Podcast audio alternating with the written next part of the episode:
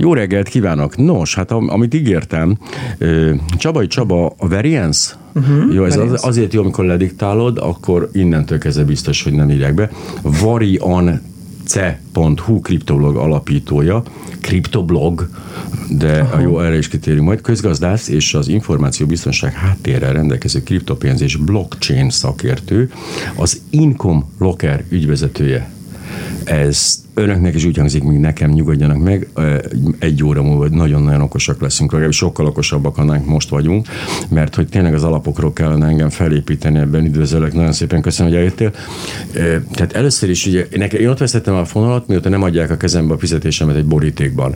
Tehát uh-huh. onnantól kezdve, hogy én egy SMS-t kapok arról, hogy nekem a fizetésem gyakorlatilag nullák és egyesek formájában valahol egy bank számítógépében van, amiből én kaphatok, onnantól nekem már, ott, már, ott már nekem már mindenködös. Viszont kezdjük már azzal, hogy mi a különbség például a az én fizetésem, ami nullák és egyesek formájában egy bank számítógépében van, a, a japán yen, ami, ami aztán még, még szüles, illetve mondjuk egy bármelyik általunk választott kriptovaluta között, hogy mi, miben más? Oké. Okay. Mélyről kezdünk. Igen. Üdvözlöm a hallgatókat. Csabai Csaba vagyok. A kérdésre válaszolva én azt gondolom, hogy a körülbelül egy jó 20-30 éve megjelent itthon is a a, számla, a számlapénz, hitelpénz intézménye, am, amitől kezdve, nyilván korábban is létezett, de ez ugye a, a kétszintű egy, jegybankrendszerre jött, jött be igazándiból Magyarországra is. Amióta igazából a pénznek a jelentős részét digitálisan, virtuálisan tárolják a bankok is. Tehát amikor arról beszélgetünk, hogy, hogy, hogy, hogy számlapénz vagy, vagy hitelpénz, az jellemzően egy olyan pénz, ami fizikailag nem, nem létezik sehol, sem a bankoknál, sem a jegybanknál, sem igazából a, a a pénzbirtokosnál sem. Uh-huh. Ezek, ezek csak digitálisan léteznek, és, és a bankok gyakorlatilag egymás közötti elszámolások során uh, írogatják ezt jóvá, és kezelgetik ezeket a különböző pénzeket. Ezeket ugye azért nevezik hitelepénznek, mert valójában az összes pénz mögött, ami, ami a zsebünkben van, a mögött valaki tartozik valakinek. Ugye ezért hitelepénz. Uh-huh. Uh, hogyha belegondolunk abba, hogy Magyarországon fizikailag kinyomtatva mennyi pénz létezik, és ehhez képest mennyi, mennyi cirkulál a bankrendszerbe, akkor ez egy ilyen egyszámegyű százalék. Tehát gyakorlatilag egy ilyen 6-7 százalék körül van a, a fizikailag létező ö, ö, pénz, uh-huh. kemény pénz, hardcash, ami, amiben van a zsebünkben. Az összes többi az, az csak számlákon létezhet. Ugye ezért is van az a, az a az a probléma, amikor mondjuk valahol egy bármilyen távoli országban, akár mondjuk nagyon jó példa erre a Japán, a, valamilyen szinten bizalmatlanság lép fel a, a gazdasággal és, a, és, és akár a gazdasági a kormányjal szembe, uh-huh. és, és beindul valamilyen jellegű uh, valamilyen jellegű pénzkiáramlás a bankokból, akkor bizony elég hamar a bankok fölteszik a kezüket, hogy nincs elég pénz fizikailag, ami, amit ki lehetne adni uh-huh. az ügyfeleknek. Ugye ebből lesznek ugye a végtelen hosszú sorok a bankok és az ATM-ek előtt, az üres ATM-ek, és sorolhatnánk ezeket a problémákat. Egyébként most ugye szó szerint ez zajlik majdnem a teljes latin, latin-amerikai régióban, de éppen most legutóbb Argentinában történt egy ilyen típusú belső bizalmatlanság az ottani pénzrendszerrel szemben. Erre ugye milyen jó megoldás lenne, gondolom, ilyet nyomtatni kell.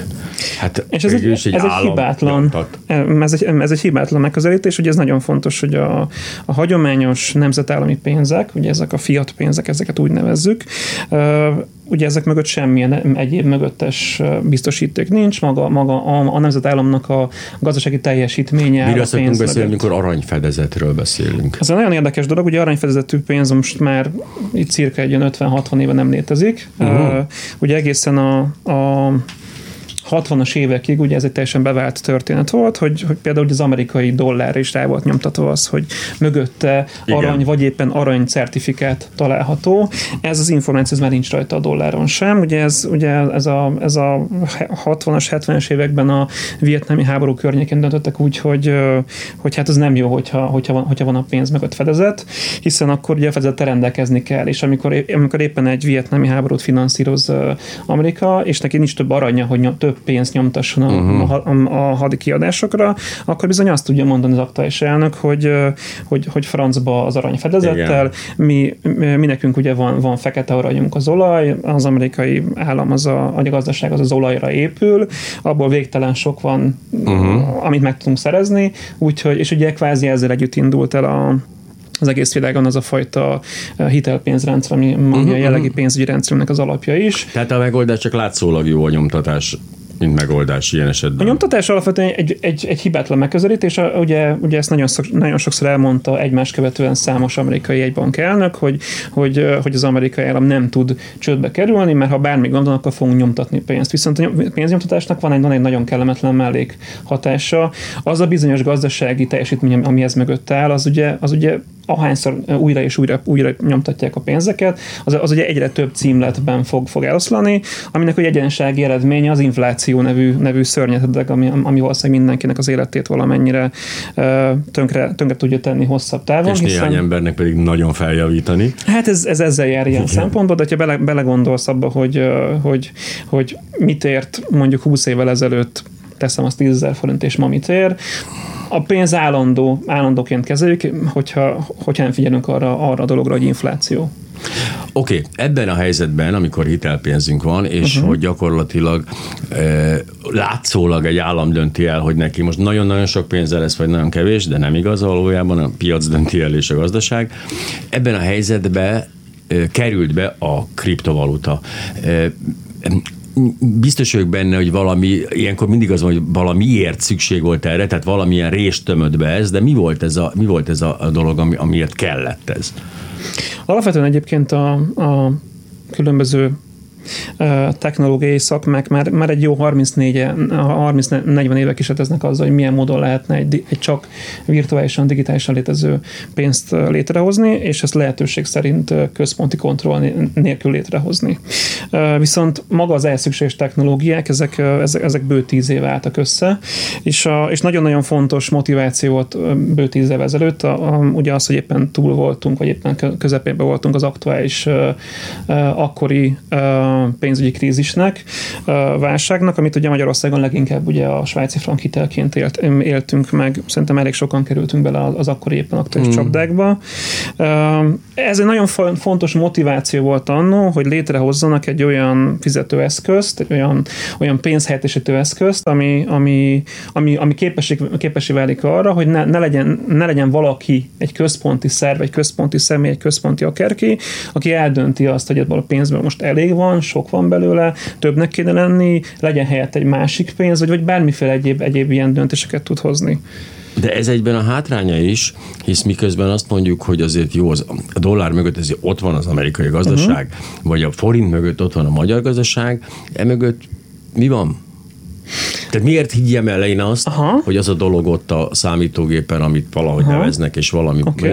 Miért higgyem el, hogy bármiféle értéke van? Tehát csak a bizalomra épül egy ilyen Pontosan, ötlet? pontosan ugyanannyira épül a bizalomra, mint egyébként, ahogy elmondtad a forint és a dollár kapcsán is. Tehát, hogyha te, ha te megbízol a dollárban vagy a forintban azért, mert látod a mögöttes gazdasági teljesítményt, és te benned fölmerül az, hogy te bármilyen szempontból de birtokolják kriptopénzeket, kriptovalutákat, kriptoeszközöket, akkor ott is valószínűleg meg kell lenni ennek a bizalomnak. Igen. Meg kellene annak a bizalomnak lenni, hogy erre a fizetőeszköz, erre a fizetés helyettesítő eszközre valószínűleg épül egy olyan gazdaság, egy olyan új gazdaság, olyan vállalkozások, olyan szereplők, akik ebben a, a, a pénzeszközben nominálják az ő működésüket, az ő bevételeiket, ebbe fizetik az saját számláikat, az alkalmazottaikat, és feltehetően egy olyan fajta cirkulációt garantálnak ennek a fizetőeszköznek, ami, ami ezen keresztül gyakorlatilag értéket tesz ez a, ez a piac mögé. Ez nagyon-nagyon furán hangzik, és valószínűleg... Nem, nem hangzik furán, csak arra gondolok, hogy ez egy olyan fajta megközelítés, felkészültség és utánjárás szükséges, uh-huh. ami Amerikában nem. Amerika, tudom, hogy van Amerika, abban uh-huh. biztos vagyok, hogy van. Hogy egy kitolóta mögött álló vállalkozás, hogy ez van-e vagy nincsen, abban nem lehetek biztos, tehát ez legalább, tehát valakit meg kell kérdeznem, ha bízok valakiben uh-huh. ebben a szempontból, vagy nekem kell utána, utána járnom, és ez, ez azért nagyon leszűkíti a használók körét. Ez így van, ez egyértelműen így van. Itt, itt tényleg egy, egy alig tíz éves technológiáról beszélünk, aminek a, az érdemi, szélesebb körű adaptációja az talán még el sem indult, vagy ha is indult, akkor az egy-két éve nevezhetjük úgy, hogy ez már szélesebb körben beszélünk erről, és, és szélesebb körben ezt használják, és azon kívül, hogy, hogy, hogy ez egy ilyen digitális játékszer. Ez egy nagyon-nagyon korai állapotban lévő dolog. Ez egy annyira korai állapotban lévő dolog, mint hogyha mondjuk a 92-3-ban itt, itt arról beszélgettünk volna, hogy, hogy lesz az internet internet. Lesz az internet. Még nem tudjuk mire jó, igazából valószínűleg inkább több, több rosszra, mint, mint jóra való. Uh, senki nem tudja, hogy mire való, kell csinálni hollapokat, és kell, kell különböző egy dolgokat csinálni, és majd aztán lesz egyszer csak belőle valami. Ez abból is látszik egyébként, hogy amikor próbáltam utána nézni a történetnek, nyilván kulcsszavakra kerestem, a, tehát mindenki beszél róla, hogy úgy látszik a hülyeségeket, hogy fáj. Tehát annyit már megértettem, hogy szeretne beleszólni minden lap, minden média egy kicsit ebbe a dologba, uh-huh. és az elejétől kezdve, tehát hogy ez a semmi más, csak most ezt tolni, mert milyen klassz, és a na, most temetjük el, vége van, meghalt, tehát és ezen a, ezen, végig ezen a palettán minden vélemény, mindegyik, ugye általában bitcoinról beszélünk, uh-huh. de hát ezt pontosan tudjuk, hogy nem csak erről van szó, tehát hogy a, a, a teljes káosz van a, a, ebben kapcsolatban, tehát ha valaki a neten szeretne információt szerezni, hát akkor nagyon célzottan kell keresnie, tehát ne, ne ezt a három kulcsot üsse, amit én. Igen, igen, ez valószínűleg így van. Egyébként szerintem egy, egy fontos dolgot nem, nem tisztáztunk, amit talán érdekes lehet, hiszen nem biztos, hogy mindenki tudja, mi az a bitcoin, és mi is pontosan az az egész kriptopénz történet. Ugye, hogyha a tankönyvi definíciót veszük, és ez valószínűleg válasz lesz erre a felvetésedre, uh, akkor ugye valami olyasmit tudnánk találni a kriptopénzekre, hogy ez nemzetállamoktól függetlenül kibocsájtott pénzhelyettesítő digitális eszköz, amit senki sem tud, tehát semmilyen intézmény nem bír, nem bír felügyelni, tehát fizikailag erre nincs lehetőség, azért, mert algoritmusok működtetik, amelyeket, és itt jön a, a meredek rész, amelyeket csak konszenzus elvel lehet módosítani. Na most itt mondtam egy csomó olyan dolgot, ami valószínűleg összességében hideg zuhany volt. Nem, a konszenzus, az volt a furcsa. Hát Ez talán a legérdekesebb a része az egésznek. A, ugye azt tudjuk, hogy a, hogy a konszenzusnak az egyik leg, leg tetten érhetőbb esete a, a, az életünkben az ugye a választási rendszerek, ugye amikor ugye elvében konszenzusos elven eldöntjük, hogy a továbbiakban ki képviselje az adott régiót, országot, uh-huh. várost, vagy bármi egyebet. A, a kriptopénzek kapcsán a, ez a bizonyos blockchain technológia, még ugye nem beszéltünk, ez ugye ugyanezt valósítja meg ilyen algoritmus szinten. Mit is jelent ez pontosan? Valaki valamikor, ugye, ugye egy, egy teljesen anonim személy hozta létre a legelső kriptopénzt, a bitcoint, lefetetett bizonyos szabályokat. Ezek a szabályok kimondták azt, hogy mennyi pénz fog létrejönni, mennyi bitcoin fog létrejönni, ez milyen időszámon. Fontos. Tehát ez például, ez le lett fektetve az első pillanatban, hogy A legelső. És, és ezek nem, nem csak lehettek írva, írva, hanem ezek effektív le vannak rossz szóval szóval programozva, tehát gyakorlatilag ezeket nem lehet módosítani, ezek ugye algoritmus szinten vannak létrehozva. Ez nem csak úgy rá mutatott, hogy akkor legyen összesen majd egyszer 21 millió Igen. bitcoin valamikor a távoli jövőben, hanem ez egy, ez, ez egy, ez egy, ez egy matematikai algoritmusnak az eredményeként jött létre, hogy, hogy ennyi lesz majd valaha. Ugyanígy algoritmus szabályozza azt, hogy, hogy milyen idők közönként jönnek létre ezek az újabb és újabb uh-huh. eszközök, mennyi időközönként jönnek létre ezek a bizonyos leíró blokkok, ugye, ugye blockchain, ugye blokklánc technológiában jönnek létre különböző blokkok, amit tartalmazzák a korábbi tranzakciókat, és még, még rengeteg ilyen apró technikai mm. szabály határozza meg azt, hogy mitől például bitcoin a bitcoin vagy mitől más egy, egy, egy másabb kriptopénz. És Nem lehetett volna rögtön akkor már az értékét is rögzíteni? Milyen izgalmas lett Aha, ez, ez nagyon izgalmas lett volna, viszont, viszont mennyit ér a szerinted a bitcoin? Tehát, hogy, hogy, hogy minek a jó ára? Tehát az elején, hogyha azt mondta valaki, hogy egy hmm, kiló krumpli. Egy kiló krumplihoz mérjük, akkor az azt jelenti, hogy maximum, maximum 21 millió krumpli, kilónyi krumplit lehet leképezni értékben a bitcoinba. Hmm. Az nem sok hogyha, hogyha belegondolsz abba, hogy a világon uh, mekkora értékek cirkulálódnak a különböző uh, iparágakban, akkor, akkor 21 millió kilónyi krumpli az nem, nem túl sok. Az elég hamar beszűkült volna a bitcoinnak a használhatósága, mivel hogy véges számú eszközről van szó, uh-huh. tehát, mhm. tehát véges maga a darabszáma neki. Innentől kezdve az árának szabadnak kell lennie, ami, ami szigorúan a piaci kereslet kínálat alapján kerül megállapításra. Ez effektív gyakorlatilag ugyanúgy működik, mint egy részvénynél.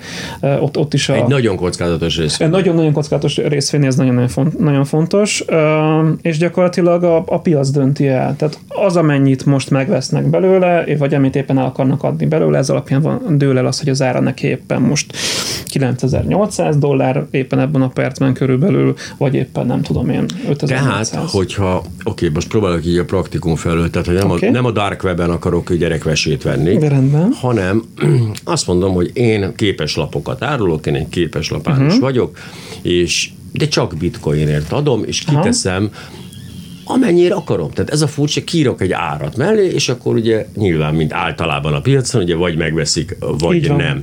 Tehát én minden ilyen dolgot tranzakcióval befolyásolhatom gyakorlatilag az értékét. Azzal, hogy te azt a, a, a bitcoin értéket kiírod, és valaki ezt megveszi, ezzel a bitcoinnak a, az árfolyamát nem fog befolyásolni, hiszen ez, hiszen ez csak egyszerű értékcsere. Aha. Én elküldöm neked az értéket, meg van határozva előre az érték. Ez akkor fog változni, hogyha mondjuk nekem vennem kell például a forintért bitcoint, igen. hogy megvegyem tőled ezt a képes Erre megvan a lehetőség, bocs, tehát erre te, megvan? Persze, persze, ez megvan, vagy ugye te el akarod adni a te bitcoinot, hogy, hogy te abból forintot szerezzél, akkor e, ebben az esetben fog változni érdemben neki a, az árfolyam, hiszen akkor fogsz fellépni gyakorlatilag kilépő vagy belépőként a, uh-huh. a, a, annak az árfolyama kapcsán. Tehát ha befektetek, azt mondom, hogy e, igazából most azon gondolkozom, hogy egy kerámikus barátommal uh-huh. csináltatok egy persejt, mert hogy sajnos képtelen vagyok félretenni pénzt, ez, ez egy ilyen adottság, genetika, persze erre fogom, és azt mondom, hogy nem ilyen nagy ötlet, hisz akkor bitcoinba fogok félretenni, tehát uh-huh. azt mondom, hogy összegyűjtöm pénzem, ahol bitcoint vásárolok.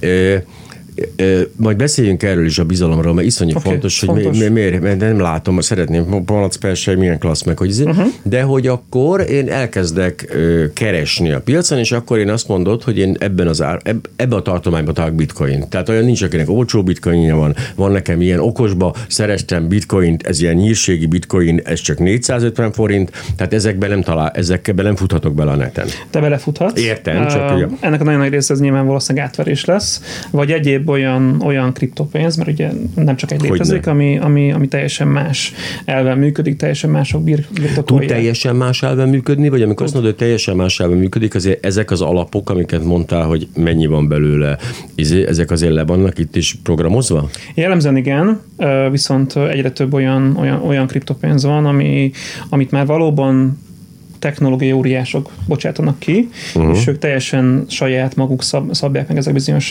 működési elveket, és ezeket bármikor át is tudják írni.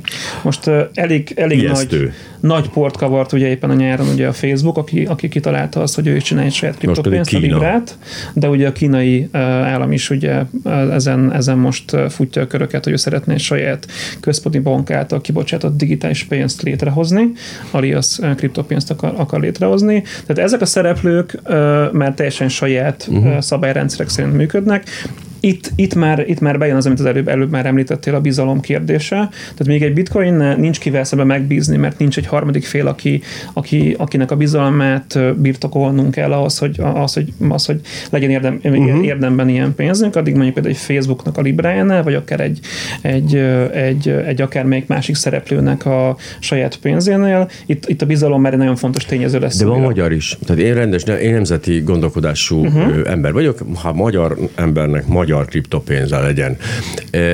Itt ez esetben a magy- jelent bármit az, hogy magyar? Tehát, hogy ez pedig egy érdekes kérdés. Oké, okay, ez nagyon fontos, hogy Magyarországon nincs központi a kontra vagy központi felügyelet által kibocsátott és ellenőrzött kriptopénz. Tehát állami beszélünk. nincs. Vannak vállalkozások, akik Magyarországon is kibocsátanak bizonyos uh-huh. fedezetre, bizonyos tevékenységre digitális fizetőeszközöket, virtuális fizetőeszközöket, tehát egy része ez valóban kriptopénzként is funkcionál, viszont minden, minden esetben fönnáll az, hogy, hogy, az, hogy az adott céggel szemben meg kell bízni, az ő, az ő jó hiszeműségében meg kell bízni. Hát, ha mészáros és mészáros kriptopénz lenne, én abból vennék, de most még nincsen úgy, hogy... Van egyébként, a tőzsdén rengeteget találhatsz. Na, beszéljünk másról. Hogy nem, nem, ne vigyük ebbe az irányba, mert érde, bele, érde belezúlnak valami okay, gödörbe, már érzem, látom magamat a sötétséget.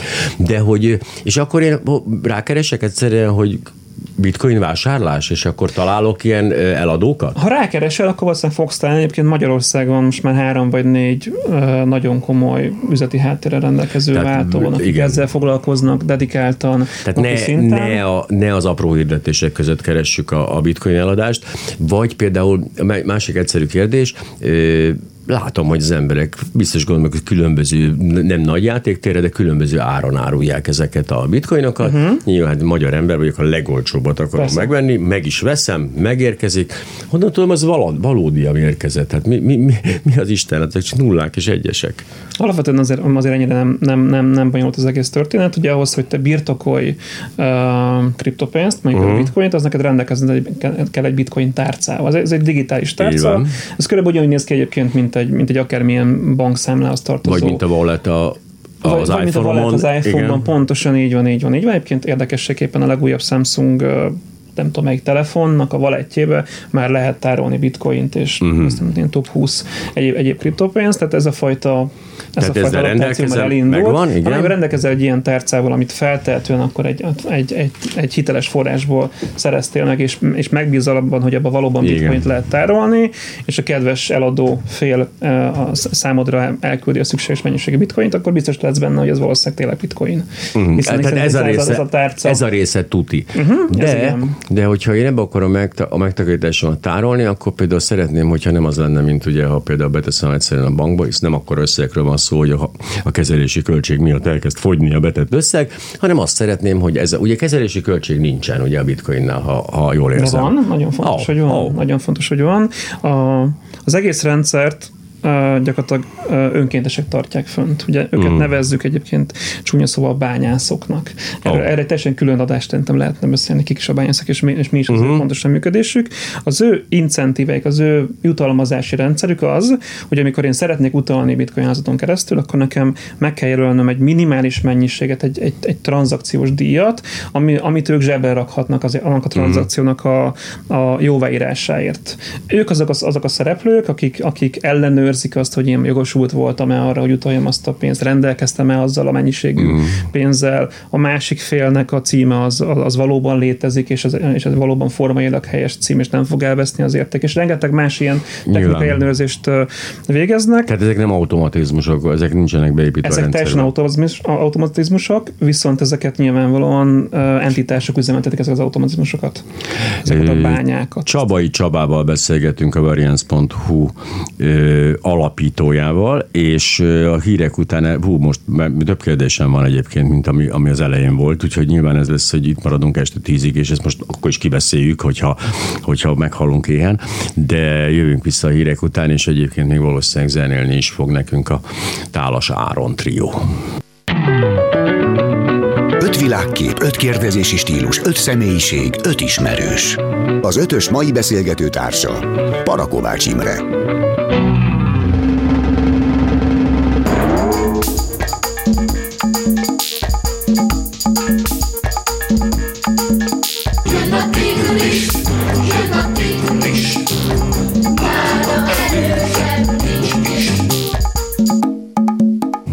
Csabai Csaba, a Variance.hu kriptoblog alapítója, hogy hú, szóval befekteté. Oké, tehát ha én azt gondolom, hogy nekem van felesleges pénzem, X összeg, uh-huh. akkor mibe fektessem?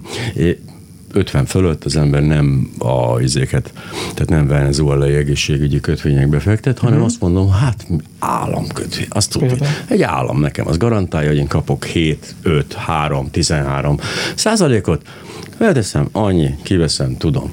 Ha kockázatos, akkor azt mondom, hát én mit tudom, valami pénzben tartom, euróban, vagy, vagy valamiben, amiben. eh, De mondjuk nagyon ritkán dönt úgy az ember, hogy román lejben tartja a megtakarításait. Nem azért, mert a román gazdaság rossz lenne, csak az olyan kicsi, arról pontosan tudjuk, hogy egy, egy pénzügyi manipulátor egy teljes ország valutáját akár megsemmisítheti, hogyha olyan kedve van.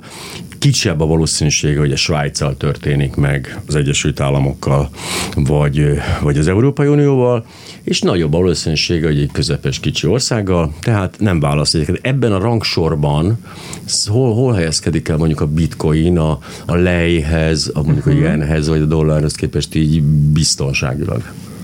Kockázat szempontból, ugye? Igen, igen, egy- hogyne, hogyne, egyértelmű. A biztonságnak ugye a, a, a másik oldalát nézzük a kockázatot. Igen, igen. Hogyha erről beszélünk, én azt gondolom, hogy ez egy külön kategória, ami mondjuk ilyen méterekkel van még a legrosszabb általad elmondottak után. Ugye ez egy, ez egy teljesen spekulatív uh, történetről beszélünk, uh, ami mögött van valós gazdasági teljesítmény ellenben azért a, az valódi árfolyamat, amit, amit ma láthat bárki is, azt a, azt, a, azt a puszta spekuláció hajtja, semmi más nem hajtja ilyen szempontból. Tehát, hogyha az a kérdésed, hogy, hogy, hogy, hogy ebbe fektessél ebbe, akkor én nem azt mondom, hogy nem. Tehát ez nem egy olyan eszköz, amit azért vásárolunk, hogy, hogy akkor, hogy akkor a nyugdíjas korunkra félre, félre Hanem miért? És akkor itt vagyunk a lényegnél. Uh, én, én azt tudom mondani, hogy aki ezt vásárolja, az valószínűleg azért vásárolja, mert hogy ő effektív ez, ezzel, ezzel tevékenyen, tehát ő, őre, őre épít valamilyen fajta tevékenységét, ő ezt hasznosítja valamilyen jellegű uh, munkájához, vagy bármi egyébhez. Rengeteg olyan karakterisztikája van, van a kriptopénzeknek, amik, amik miatt ezek előnyösek lehetnek a, a végtelenül volatilis árfolyamok ellenére mm. is.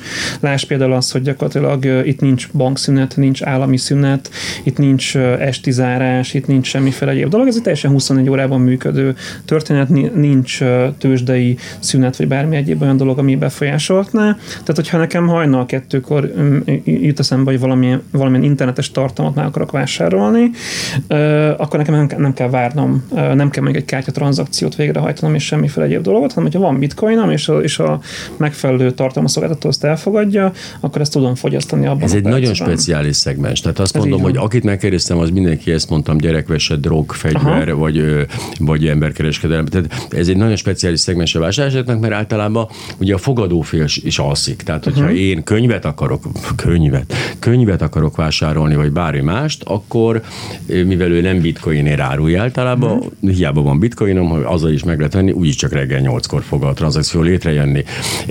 De ez, ez a kép, ami az emberekben él, hogy ez azért a fekete szürke zóna pénze, ez egyfajta, hát hogy is mondjam, gyanús dolog, azért ez nem ennyire durva, ahogy nézem. Én azt gondolom, hogy alapvetően ez egy olyan eszköz, amit erre is lehet használni. Hogyne. Ezt, ezt el kell ismerni minden szempontból, bár én azt gondolom, hogy sokkal egyszerűbb egyébként nem, nem vagyok gyakorló fegyverkereskedő és, Jó, és, de és, és drog, drogdealer, de biztos vagyok benne egyébként valószínűleg sokkal könnyebben lehet dollár vagy bármilyen másik hard cash, tehát fizikai Igen, pénzzel igen. ezt, ezt végrehajtani, mint, mint bitcoinnál, ez képest a bitcoin egy nagyon-nagyon körülményes technológiai dolog tud Mhm. lenni, de ez tény, hogy egyébként, hogyha, hogyha az online térben beszélünk valamilyen típusú bűncselekménynek a finanszírozására, akkor ez egy alternatív eszköz. Ezt, ezt, ezt nem lehet ilyen szempontból kizárni.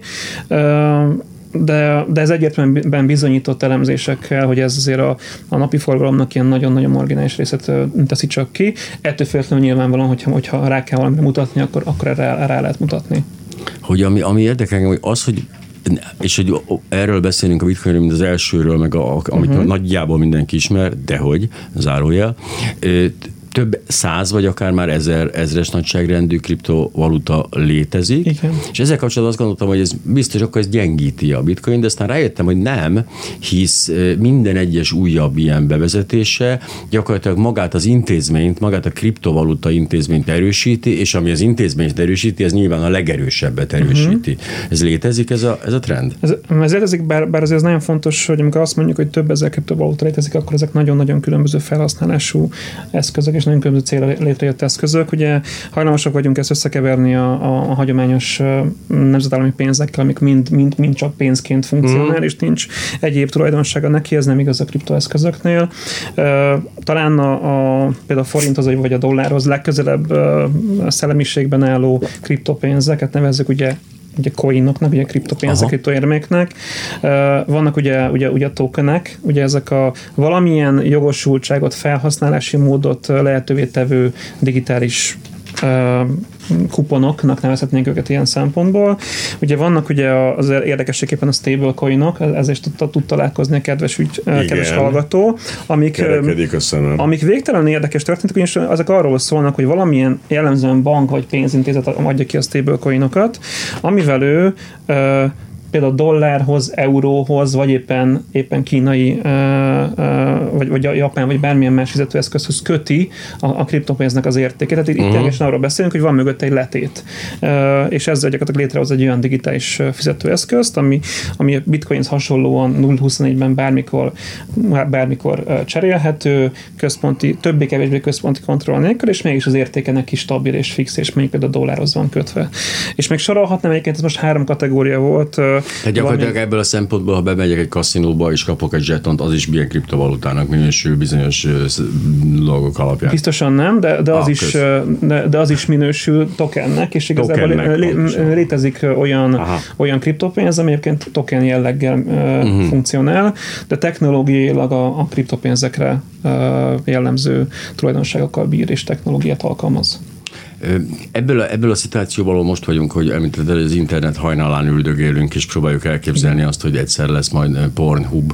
Tehát, hogy, de hogy igen, tehát, hogy mi, mi, milyen kimenetelek lehetségesek, ami borzasztó érdekes, illetve ez a technológia, ez a blockchain uh-huh. technológia, erről beszéljünk egy kicsit, okay. mert elhangzott, és fogalmas nincs, hogy mit jelent. Igen, ez, ez, ez egész uh, kriptopénzeknek az alaptechnológiája. Ugye a, a, a mai napig talán az egyetlen egy olyan, olyan technológia, ami, ami azt garantálja, hogy szigorúan algoritmus elven lehessen uh, működtetni bizonyos értékek fölötti uh, kontrollt, uh, le- lehessen gyakorolni fölöttük, fölöttük kontrollt. Mit is jelent ez pontosan így, így a tankönyv példán túl? Alapvetően a, a, a legnagyobb talán problémája a jellegi internetnek az az, hogy minden szolgáltatás mögött áll, áll egy, egy bizalmi harmadik fél. Ez igaz egyébként nem, nem csak az internetre, ez, Igen. ez bármilyen más esetben is igaz. Ahhoz, hogy én valamilyen tevékenységet mondjuk használjak, például ugye korábban beszéltünk ugye a, a, a, a YouTube-ról, hogy, hogyha, hogyha én a, YouTube, a, a YouTube-on szeretnék egy, egy videót monetizálni, akkor, akkor bizony ehhez a, a YouTube engedélye és mindenféle egyéb, egyéb köztes szereplőknek az engedélyére is szükség van, akik ugye hozzájárulnak ez, ez egésznek a működéséhez. A blockchain technológiának a lényege, hogy úgy tudjak értéket közvetíteni interneten keresztül, hogy ehhez semmilyen harmadik fél, fél közbejárása, vagy engedélye, vagy, vagy beleszólására nincsen szükség. Felek egymás között, ugye gyakran használt peer-to-peer kifejezésen keresztül egymás között tudnak eldönteni bizonyos jellegű tranzakcióknak a sorsáról, az, hogy, az, hogy ki mit szeretne csinálni az ő saját értékeivel. Ö, Ugye ez az egésznek az ideológiai része. A technológiailag ez egy, ez egy végtelen egyszerű kis buta adatbázis, szerűség, így, így ilyen, ilyen, ilyen IT-s fogalom, fogalmat használva, aminek a sajátossága az, hogy nagyon-nagyon-nagyon sok példányban található a világon. A, a, ugye, ugye, ugye a blockchainnek pont az a sajátossága, hogy nem egy központi helyen van, mondjuk például uh-huh. YouTube-nál a- az információ, nem, hanem akár nálam is van az én saját gépemen is lehet, akár nálad is lehet, bárki, bárhol máshol is lehet, és mi összességében ö, végezzük el azt a fajta ellenőrzést, ami, ami ami ahhoz kell, hogy az abban abba, abba lévő információk bi, ö, ö, megfelelően ö, bizalmi elven Tehát létezik egy harmadik fél, ez a bizonyos al- algoritmus, ő a harmadik fél. Az algoritmus, igen. Ez nagyon Igen. fontos, hogy a, hogy a blockchain technológiánál maga az algoritmus az, aki, az akin keresztül ki van kényszerítve a, a, a ugye erre nincs, nincs jó magyar kifejezés, ugye, ugye angolban a trustless-t alkalmazzák, Mhm. uh-huh. ugye, ez a, ugye ez a bizalom nélküli uh, bizalom, nem tudom ezt így szebben, szebben De megfogalmazni, az jó. és ugye, ugye a blockchain hoz, technológia hozta be ezt a bizonyos uh, algoritmus elvű bizalmat, amikor nekem nem kell benned megbíznom ahhoz, hogy te, hogy te biztosan végre fogod hajtani azt ami- amiben mi megegyeztünk, mert hogy technológiailag ki van készítve az, hogy a, hogy a, a, hogy a szükséges dolgok el fognak készülni. Most mondok egy konkrét példát, és Mhm. ez a egyszerűbb. Ez a, ez a tipikusan ez a ép, épül a házam, és szüksége van hozzá egy burkolóra. A burkoló uh, a burkoló bizonytalan, hogy ki fogom fizetni az ő munkáját. Igen. Én bizonytalan vagyok, hogy a burkoló el fogja végezni, ráadásul jól a munkáját. Hogyan lehet ezt, ezt feloldani? Ugye, ugye itt jön be az, hogy, az, hogy valószínűleg van egy, van egy építésvezetőm, aki, aki, aki tőlem már a pénzt begyűjtötte, a, ő ellenőrzi, meózza a, a, a burkolót, hogy a munkát el fogja jól végezni, és hogy mindenki jó, jól végzi a saját munkáját, akkor, akkor ki lesz fizetve a burkoló, a csempa az jól fog kinézni, az építés vezető pedig le fogja nyomni az ő 72%-át. Egyszerűbb, a- tehát, a elra, hogyha én elrabolom a burkoló gyerekét, és a burkoló elrabolja az én gyerekemet, és csak a munka után is, miután kifizettem, adjuk vissza egymásnak, ez is működőképes. A blockchain technológia ezt oldja meg gyerekek rablása nélkül. Igen, igen, azt látom, igen, azért mondom, hogy igen, ezt ugye fedeztem kicsit egyszerűbben. Ja, egyébként meg sokkal meg etetni, meg minden, meg nyafog, nyafog, meg helyet foglal, de hogy ö, ami inkább még izgalmas ebben a történetben, az, hogy azért mondhatod, hogy ez befektetésnek nem, tehát nyugdíjas koromat ne hozza, holott lehet, hogy nagyon jól döntenék, ha mégis így döntenék ez alapján, amit elmondtál. Ez, ez, ez lehetséges, viszont... Tehát azt mondom, hogy mint mondtad, Mhm. nagyon kockázatos részvény, de a nagyon kockázatos részvényeknek van egy olyan tulajdonság, hogy nagyon óriási bejöhetnek. növekedési potenciál lett benne. Igen. Ugye erről, ugye erről már korábban beszéltünk a, a krumplis példánál, Igen. hogy, hogy ugye az az adja a bitcoinnak a növekedési potenciáját, hogy, hogy, hogy egyre több ember dönt úgy, hogy szeretné benne tárolni a krumpliát. Uh-huh. És amennyiben már ugye 21 millió kilónál több krumplit akarunk benne tárolni, akkor feltétlenül valószínűleg egy egység az már nem, nem, már nem egy kilót fog, fog tartalmazni, vagy, vagy, vagy egy, egy egységnyi fog tudni uh, leírni, egy, egy kilónyit, hanem ugye sokkal többet, am- amennyire egy, egyre, egyre több értéket rakunk bele, most az mindegy, hogy most krumpliról, vagy aranyról, vagy miről beszélünk, de valamilyen jellegű értéket rakunk bele a rendszerbe. És ugye ez, ez ez a fajta megközelítés, ez ugye explicit kimondja azt, hogy amennyiben hosszú távon egyre és egyre több ember ebben akarja tárolni az ő értékét, mert mondjuk épít rá, vagy akár csak spekulál rá, ezt, ezt ne zárjuk ki, akkor feltétlenül az értékének növekednie kell. Ugye ezt látni kell, hogy ennek a, ennek a, a bitcoinnak, most beszéljünk erről, ennek, ez 2009. január 3-án jött, jött létre maga a blockchain neki a technológiája, és egészen 2010 szeptemberig nem volt neki monetáris értéke. Tehát, tehát nem, tehát nem lehetett megvásárolni. Uh-huh. Ez, ez egy játékpénz volt, jobbra-balra küldözgette magának néhány fejlesztő, és akkor ugye hirtelen jelent meg neki monetáris értéke. Az mit jelent, hogy hirtelen jelent meg? Tehát hogy jelenik meg egy ilyen? Úgy, hogy egy, egy egyébként játék szoftverben lévő karakterek adásvételére szolgáló tőzsde oh. úgy döntött, hogy, hogy, hogy, hogy ő akkor belistázza a bitcoint, hogy nála lehet venni dollárért. Aha.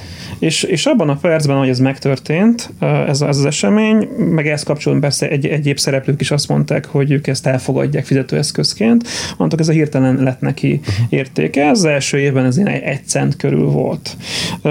Én személy szerint 13-ban csatlakoztam az egész őrülethez, akkoriban ilyen, ilyen, ilyen 100 dollár körül, körül volt a, a bitcoinnak az árfolyam, tehát én már, én már ilyen szempontból bőségesen a középidőszakban csatlakoztam csak az egész kriptotörténethez, és ugye tavaly előtt évvégén ugye ez egészen 18 ezer dollárig föl, fölment, és most éppen egy olyan 9810 ezer dollár körül lehet neki az árfolyama éppen ebben a percben. Itt látszik azért, hogy, hogy valaki ránéz a csátra, vagy, vagy akár csak a számokat végig gondolja, akkor itt egy ilyen kisebb fajta hullámvasútra kell gondolni. De ha csak a két végpontot nézzük, jó, nem a nullát. Az, az egy végtelenül szimpatikus növekedési Igen. potenciált feltételez, és ráadásul, hogyha, hogyha, hogyha picikét figyelmen kívül hagyjuk az alsó és felső kilengéseket, akkor ez egy egészen egészséges növekedési potenciálnak tűnhet. Viszont ezt nem lehet tudni, hogy, Igen, hogy mekkora mennyiségű érték. ezt a Le, lehet, jövőre. lehet, de hogy, ez, de hogy ez nem biztos, hogy lesz releváns hosszabb távon, ez, ez szinte biztos. Tehát nem lehet tudni azt, hogy, hogy fog-e növekedni ez a fajta adaptáció, fogja egyre több ember azt gondolni, hogy neki ebbe kell tartani az értékének egy kisebb-nagyobb részét, fog erősödni ez a bizonyos kriptogazdaság, aminek egyre több szereplője fog megjelenni, és egyre több többen fognak erre építeni saját üzleti vállalkozásokat, ezekre most még nincs garancia. Tehát na, jó, jól látszik, hogy ebbe az irányba tart jelen pillanatban a, a fejlődés, de az, hogy ez egy újabb divat, e, ezt most még nem lehet eldönteni. Mikor egy ilyen óriási szereplő, vagy két ilyen óriási mamut belép, mint a Facebook meg, a, meg Kína, uh-huh. hasonló erőt feltételezek nagyjából a két cég között, ez például nyilván ők azt akarják majd, hogy a saját kriptovalutájuk működjön. Tehát uh-huh. ez hogy hat ki az, a, a, hogy hat ki az egészre? Tehát, hogy elsöpörhet mindent például a Facebooknak, a, a, mert azért lássuk be, ott azért egy hihetetlen, azért nem egy buta lépés ez a, az ő esetükben, ahol már megvan a felhasználói bázis, és megvan uh-huh. a szolgáltatás, amit adnak érte, és megvan minden, hogy ez, ez, ez lehet, hogy tisztára söpri az egész palettát, és utána csak ők maradnak? Uh-huh. Hogy, hogy, hogy működhet? Ez, ez szerintem megtörténhet, viszont, viszont ugye itt is ugye bejön ez a bizonyos trust és trust lesz, ugye ez a bizalom és, és bizalom uh-huh. nélküli működésnek a kérdésköre. Egy Facebook nem tudja magának megengedni ezt a luxust, hogy ő, hogy ő, hogy ő ne gyakoroljon kontrollt az ő, az ő felhasználói fölött. Tehát egy Facebooknak meg kell tenni azt, hogyha mondjuk egy amerikai kormány azt mondja, hogy ez és ez a személy, ez, ez a nép ellensége, uh-huh. akkor neki bizony azokat a számlákat neki föl kell függesztenie, meg kell, meg kell szüntetnie, és minden feljárásokat kell, kell gyakorolni azokon a számlákon. Innentől kezdve ezen a téren, ezen bizonyos Aha. bizalmi kérdéskörben a, a, a Facebooknak a saját megoldás az, az mindig háttérben lesz egy Tehát hátrányban van, ami, amiatt előnyben van gyakorlatilag. Hisz, így igen. van, így van, így van, így van. Tehát, tehát innentől kezdve, hogyha például most, most mondok egy példát, hogyha Amerika úgy dönt, hogy neki az újabb ellenség az nem tudom melyik közelkeleti ország, és, és azt mondja, hogy ha abban a régióban egy újabb embargót fog, fog, fog létrehozni, akkor még például Facebooknak azonnal meg, valószínűleg fagyasztani kellene a saját összes ügyfelének a számláját, ami, ami összességében rosszulhat az ő reputációjára, az ő, az ő megítélésére. Az az árfolyamra. Ami egyben az árfolyamt is jelentheti, bár a Facebook az, az pont ugye ez a bizonyos stablecoin kategóriában gondolkozik, tehát ő is ugye saját letéten, letétel áll be mögé, de, de minden esetre az, a, a, az összességében a, a megítélését ronthatja. Hogy Kína ő... esetében ugye még, még problémásabb ez az egész dolog, hisz ott, ott önmagában már alapvetően egy állam, tehát méghozzá egy eléggé, hogy is mondjam, súlyos szerepzavarban tévejű állam fogja uh-huh. ezt a garanciát nyújtani. Nyilván ott a megkötések már eleve be lesznek építve a dologba, hát viszont van néhány felhasználójuk, tehát azért az lássuk be, hogy azért ott akadnak. Igen, és azt se felejtsük el, hogy amíg mondjuk az USA-ban tíz évvel ezelőtt még teljesen standard volt az, hogy csekk fizettel fizetik a, a dolgaikat, addig tíz évvel ezelőtt Kínában már 30% volt, volt a, a, a WeChat Pay-nek az aránya a, a kiskereskedelmi forgalomban. Ugye a WeChat ez a, ez a, ez a, ez a kínai állam által is szponzorált chat alkalmazás, amin belül van ugye wallet funkció, ugye tárca funkció. Ez 30 Tehát évről har- beszélünk? Tehát 10 évvel ezelőtt 10 már évvel 30 ezelőttről 30 százalék volt, beszélünk? Bocsánat. És azóta ez nyilván van, van növekedett a többi szereplő belépésével, tehát ott azért egy óriási elterjedése van már most is az ilyen QR kódos és ilyen instant azonnali fizetési rendszereknek, Uh-huh. ami- Ugyanott vagyunk, mint bocsáss meg, csak hogy ugyanott vagyunk az internet elterjedésében, hogy ahol rosszabb volt a telefonhálózat, ott gyorsabban terjedt, Igen. mert oda már eleve a, a, Az újabb megoldás az újabb megoldásokat építették. Ugyanezt történik Kínában Pontosan ugyanezt, tört- ugyanezt történik az elmúlt ö, 10-20 évben egyértelműen ez így tett- tetten érhető, hogy tehát ugye eleve gond- gondoljunk bele, hogy mekkora óriási logisztikai feladat lenne készpénzzel ellátni egy ekkora óriási országot, aminek ennyire földrajzilag is óriási távolság van a, a, a különböző városok között, ráadásul óriási városokról beszélünk, Magyarország lé, lélekszámú városokról beszélünk, és most nem a fővárosról beszélünk uh-huh, nyilvánvalóan, tehát ezeknek az ellátás logisztikailag készpénzzel, ez egy óriási kihívás lenne. Ehhez képest azt facilitálni, hogy, hogy legyen egy digitális fizetőeszköz, és ehhez még, még adni is különböző megoldásokat, egyszerű megoldásokat, ez, ez teljesen észszerű döntés az ő részükről, és mert tényleg már most is, most is a piacon ott, ott már most is QR kódos módon veszed meg a répát és a többi dolgodat. A Most egy rendes piacról Most is, beszélünk, igen, egy úgynevezett zöldségpiacról, és bocsánat, ott, igen. aha, tehát ebben a szempontból inkább Amerikához tartozunk, hogy hátrányban vagyunk, mert ahogy nézem mostanában itt még a, tehát egész, ja, csak sajnos, bocsánat, csak sajnos készpénzzel lehet fizetni típusúakba, ütközöm bele a főváros egyik belső kerületének egyik menő üzletében, ahol nem tudok bankkártyával fizetni. Ez akkor Kínában ez, ez, ez, ez a dolog azért előbbre áll. Sokkal előrébb áll, de szerintem, szerintem itthon sem tartunk már olyan nagyon-nagyon rossz, rossz szinten, hogyha belegondolunk abba, hogy milyen sokat fejlődött az elmúlt tíz évben például az ilyen kontaktless kártyák, ezek a PI, akármilyen A csippantós érintő, az érintős kártyák, igen, igen, igen, igen, igen, igen. ezeknek az elterjedése, de belegondolunk abba, hogy milyen most az MNB bár eltolta 8 hónappal, de jövő év márciustól már lesz itthon is belföldi azon, azon átutalási rendszer, amit ugye 0-24-ben lehet alkalmazni, és Azaz, az fog történni, hogy ha küld nekem valaki pénzt, az itt lesz. Az 5 akkor- másodpercen belül, bármikor, tehát akár hétvégén, akár ünnepnapon is jóvá fog íródni, tehát ezzel történik elég sok pozitív változás a pénzpiacokon. A Igen, mondjuk a számomra mindig lehetetlen volt, és ez nem a teszek területe, csak mindig érdekelt engem, hogyha én, ha én szombat este elutalom a villanyszámlát, akkor miért kell ahhoz, hogy bemenjen a portás a kulcsával, kinyissa a, ban- a bankot, és utána bekapcsolja a világítást, hogy, hogy elmenjen a pénzem. Sose láttam semmi értelmet. Miért ez nem? Azért ez egy algoritmus lenne. Ez az lenne egyébként, erről nagyon sokat tudnánk beszélni, mert, mert, mert ö, 11 éven keresztül egy, egy nagy hazai banknál dolgoztam, oh. úgyhogy belelátok ennek a válaszába, de szerintem ezt, ezt, ezt ne nyissuk ki, mert ez egy nagyon hosszú Nem, nincs csak az a kérdés, hogy akkor tényleg kell egy ember fizikailag, aki az én villanyszámla kifizetésemet jóvá hagyja ebbe a bankba, nem. vagy nem, nem erről van szó, Nem, itt, hanem... itt, itt, itt, az egyszerű válaszára kérdés annyi, hogy a bankon belül is vannak belső folyamatok, amelyek, amelyek jellemzően éjszaka mindenféle egyéb ilyen folyamatok futnak le, amik ellenőrzik a különböző egyenlegeket, végrehajtják ezeket a különböző dolgokat. Ez ugye, ugye ezeket technológiai napzárásnak nevezzük uh-huh. ezeket a tevékenységeket, ezek hosszú folyamat, ami különösen hétvégén akár, akár jelentősen hosszú is, hosszú is lehet, és ezen idő alatt jellemzően ilyen, ilyen alacsonyabb funkcionalitással működnek csak a banki rendszerek.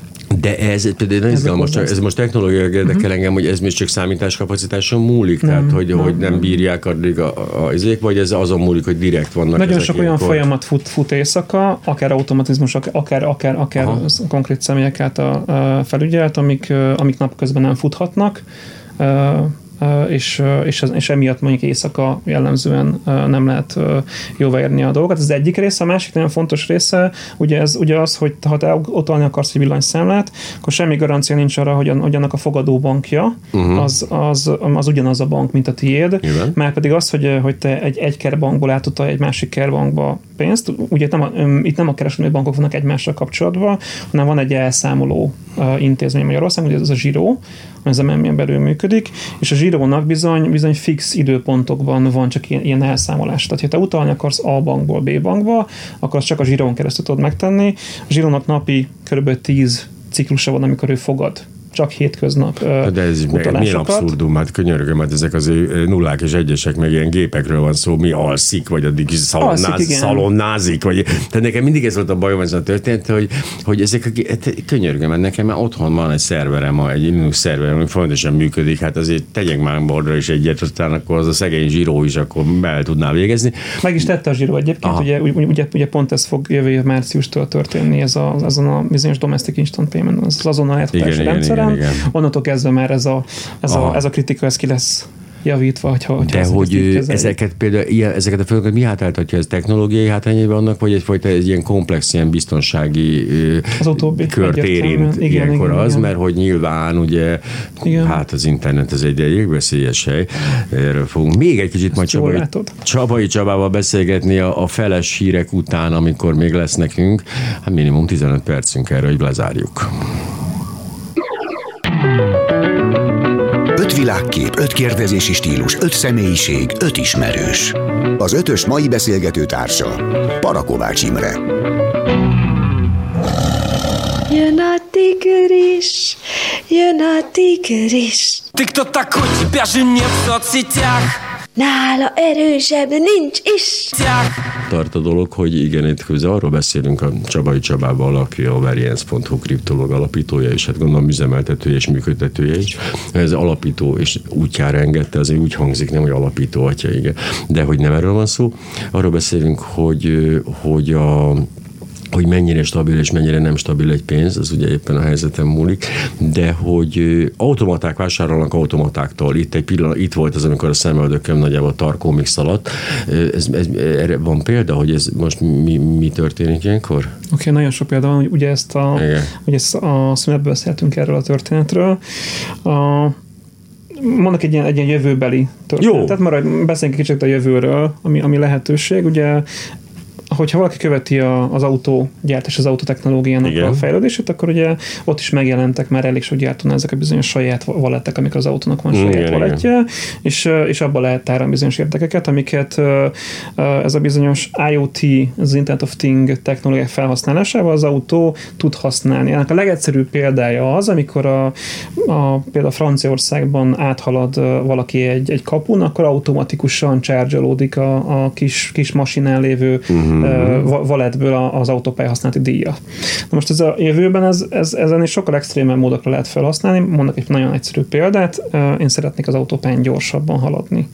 És az autóm vesz nekem gyorsabb sávot. Hogyan tudja ezt megvenni, ezt a gyorsabb sávot? A többi autóval kommunikálva az úton, ledíleli velük azt, hogy mekkora értékért hajlandók ők félreállni azért, hogy én gyorsabban tudjak haladni, nyilván betartva persze a szabályokat, Természetesen. mindenféle szükséges dolgokat, de, de, de, de ez egy végtelenül kényelmes funkció lehet, hogyha valaki dugóba kerül, és neki gyorsan kell menni, hogyha neki megéri, akkor az autóján keresztül a többi autóval lebeszélve végrehajtja ezt a dolgot. Ez nagyon futurisztikus Nem történet. azért csak azon gondolkozom, hogy ilyen esetben dönthet-e az autó az én engedélyem nélkül, hogy jól adja azt a sávot, vagy nem, vagy megkérdez engem, hogy a, kisgazdám, te mennyire adnád a Hát amennyiben az autó már egy, már egy önvezető autó, uh-huh. és, és én, én éppen Igen. nem tudom én a, az igazak elment alszomban, nem, persze nem Igen. szabad, ezt tudjuk nyilvánvalóan, de ha mégis ez történik, akkor bizony ezt a döntést az autónak kell meghoznia.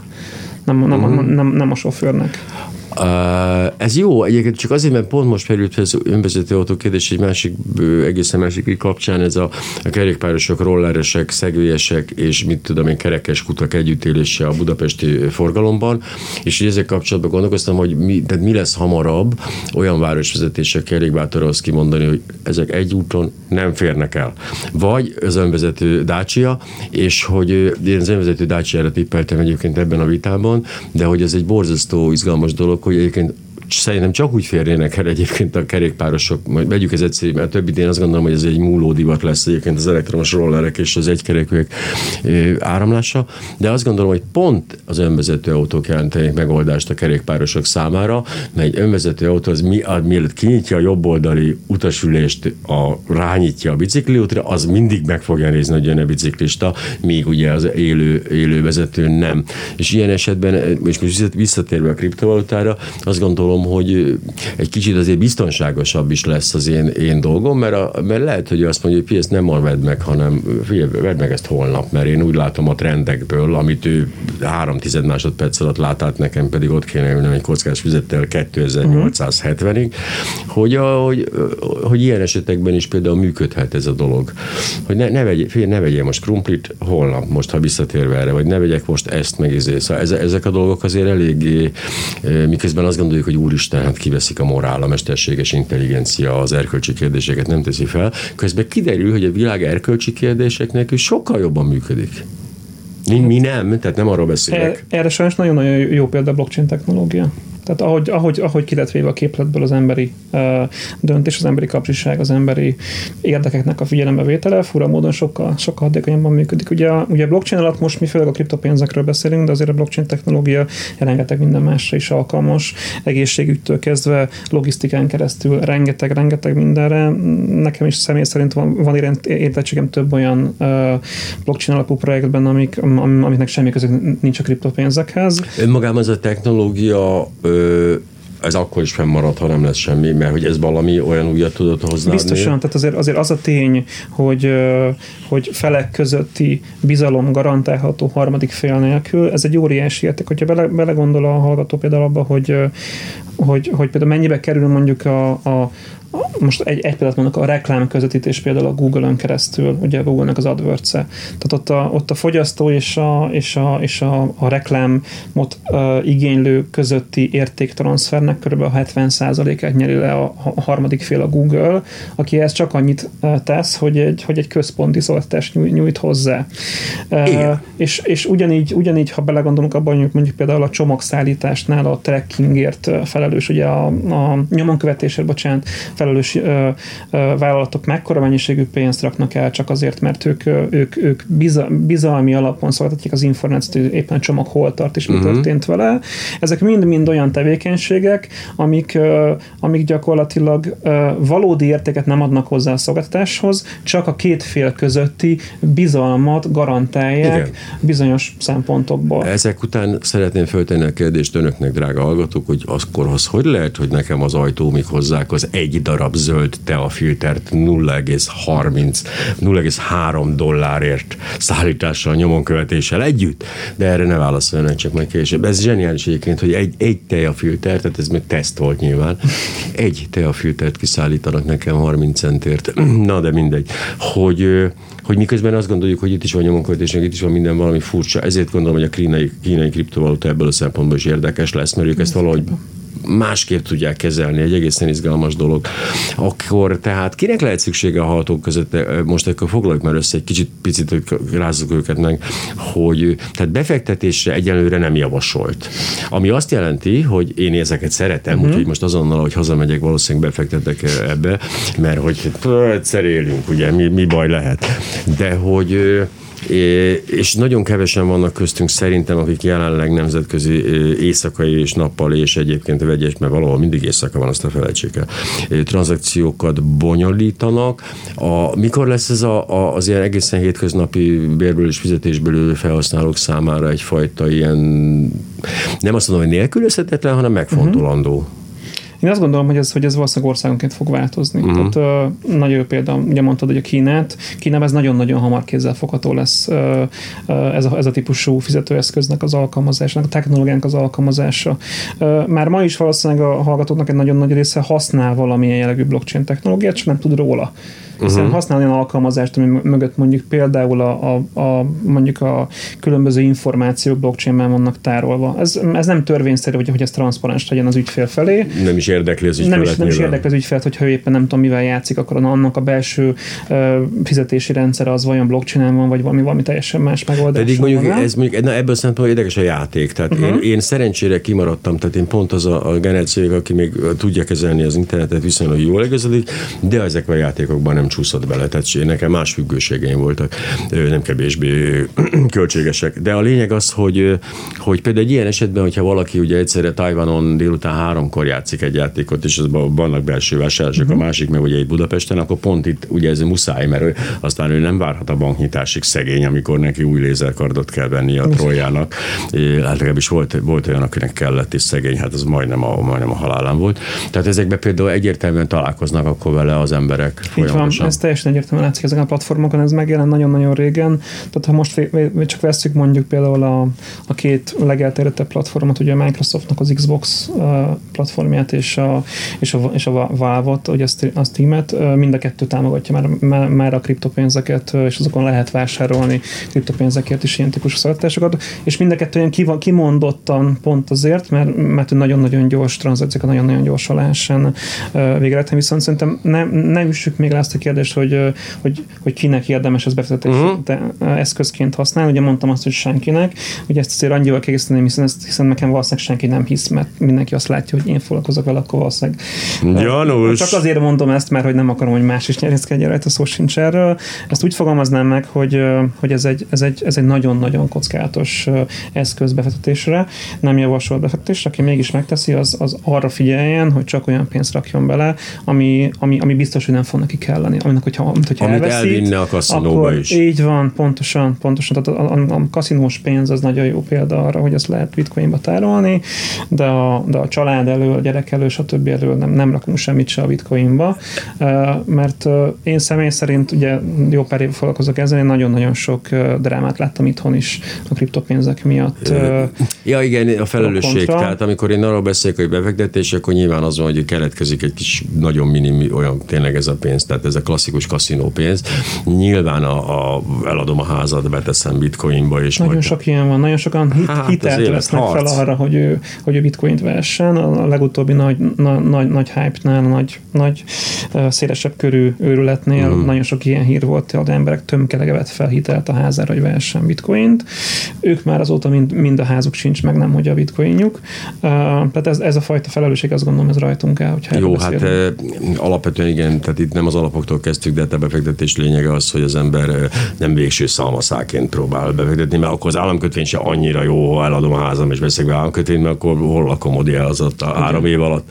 Eh, Csabai Csaba, a variance.hu kriptoblog alapítója volt a vendégünk, most az van kiírva nekem, hogy 45-ig vagyunk, úgyhogy 45-ig vagyunk, és ez még pont egy percünk maradt, de ezt a, elmondtam sokszor ezt a variance.hu, a variance.hu, itt például ezzel kapcsolatban azért meglehetősen sok információt van. találnak gondolom az emberek, de ugyanitt szerintem tudnak akkor feltenni konkrét kérdést is majd. Egyértelműen. Tehát akkor itt, itt, itt el fognak hát igazodni. Én nem mondom, hogy, hogy mindent értek, de hogy most, most már legalább, hogyha elolvasok róla majd valamit szakcikket. Ja, és igen, tehát, hogy ne a bulvárlapokból, az elég fontos, ne egymástól tájékozódjanak ez ügyben, ne a Facebookról, olvastam a Facebookon, mert gondolom itt azért ez áll mögött, amikor valaki hitelt vesz fel a házára, azt nem hiszem, hogy szakcikkben olvasta, hogy most vegyél fel hitelt a házadra, de hát a fodrásza mondta, és mindig, Igen. mindig jókat mond. az lenni. az még minden jókat mond. Nagyon szépen köszönöm, hogy itt voltak, találkozunk jövő héten. Azt most már tudjuk, hogy a költöző madarakkal fogunk foglalkozni, úgyhogy hát nekik milyen jó lenne a bitcoin. Viszont hallásra. Viszont.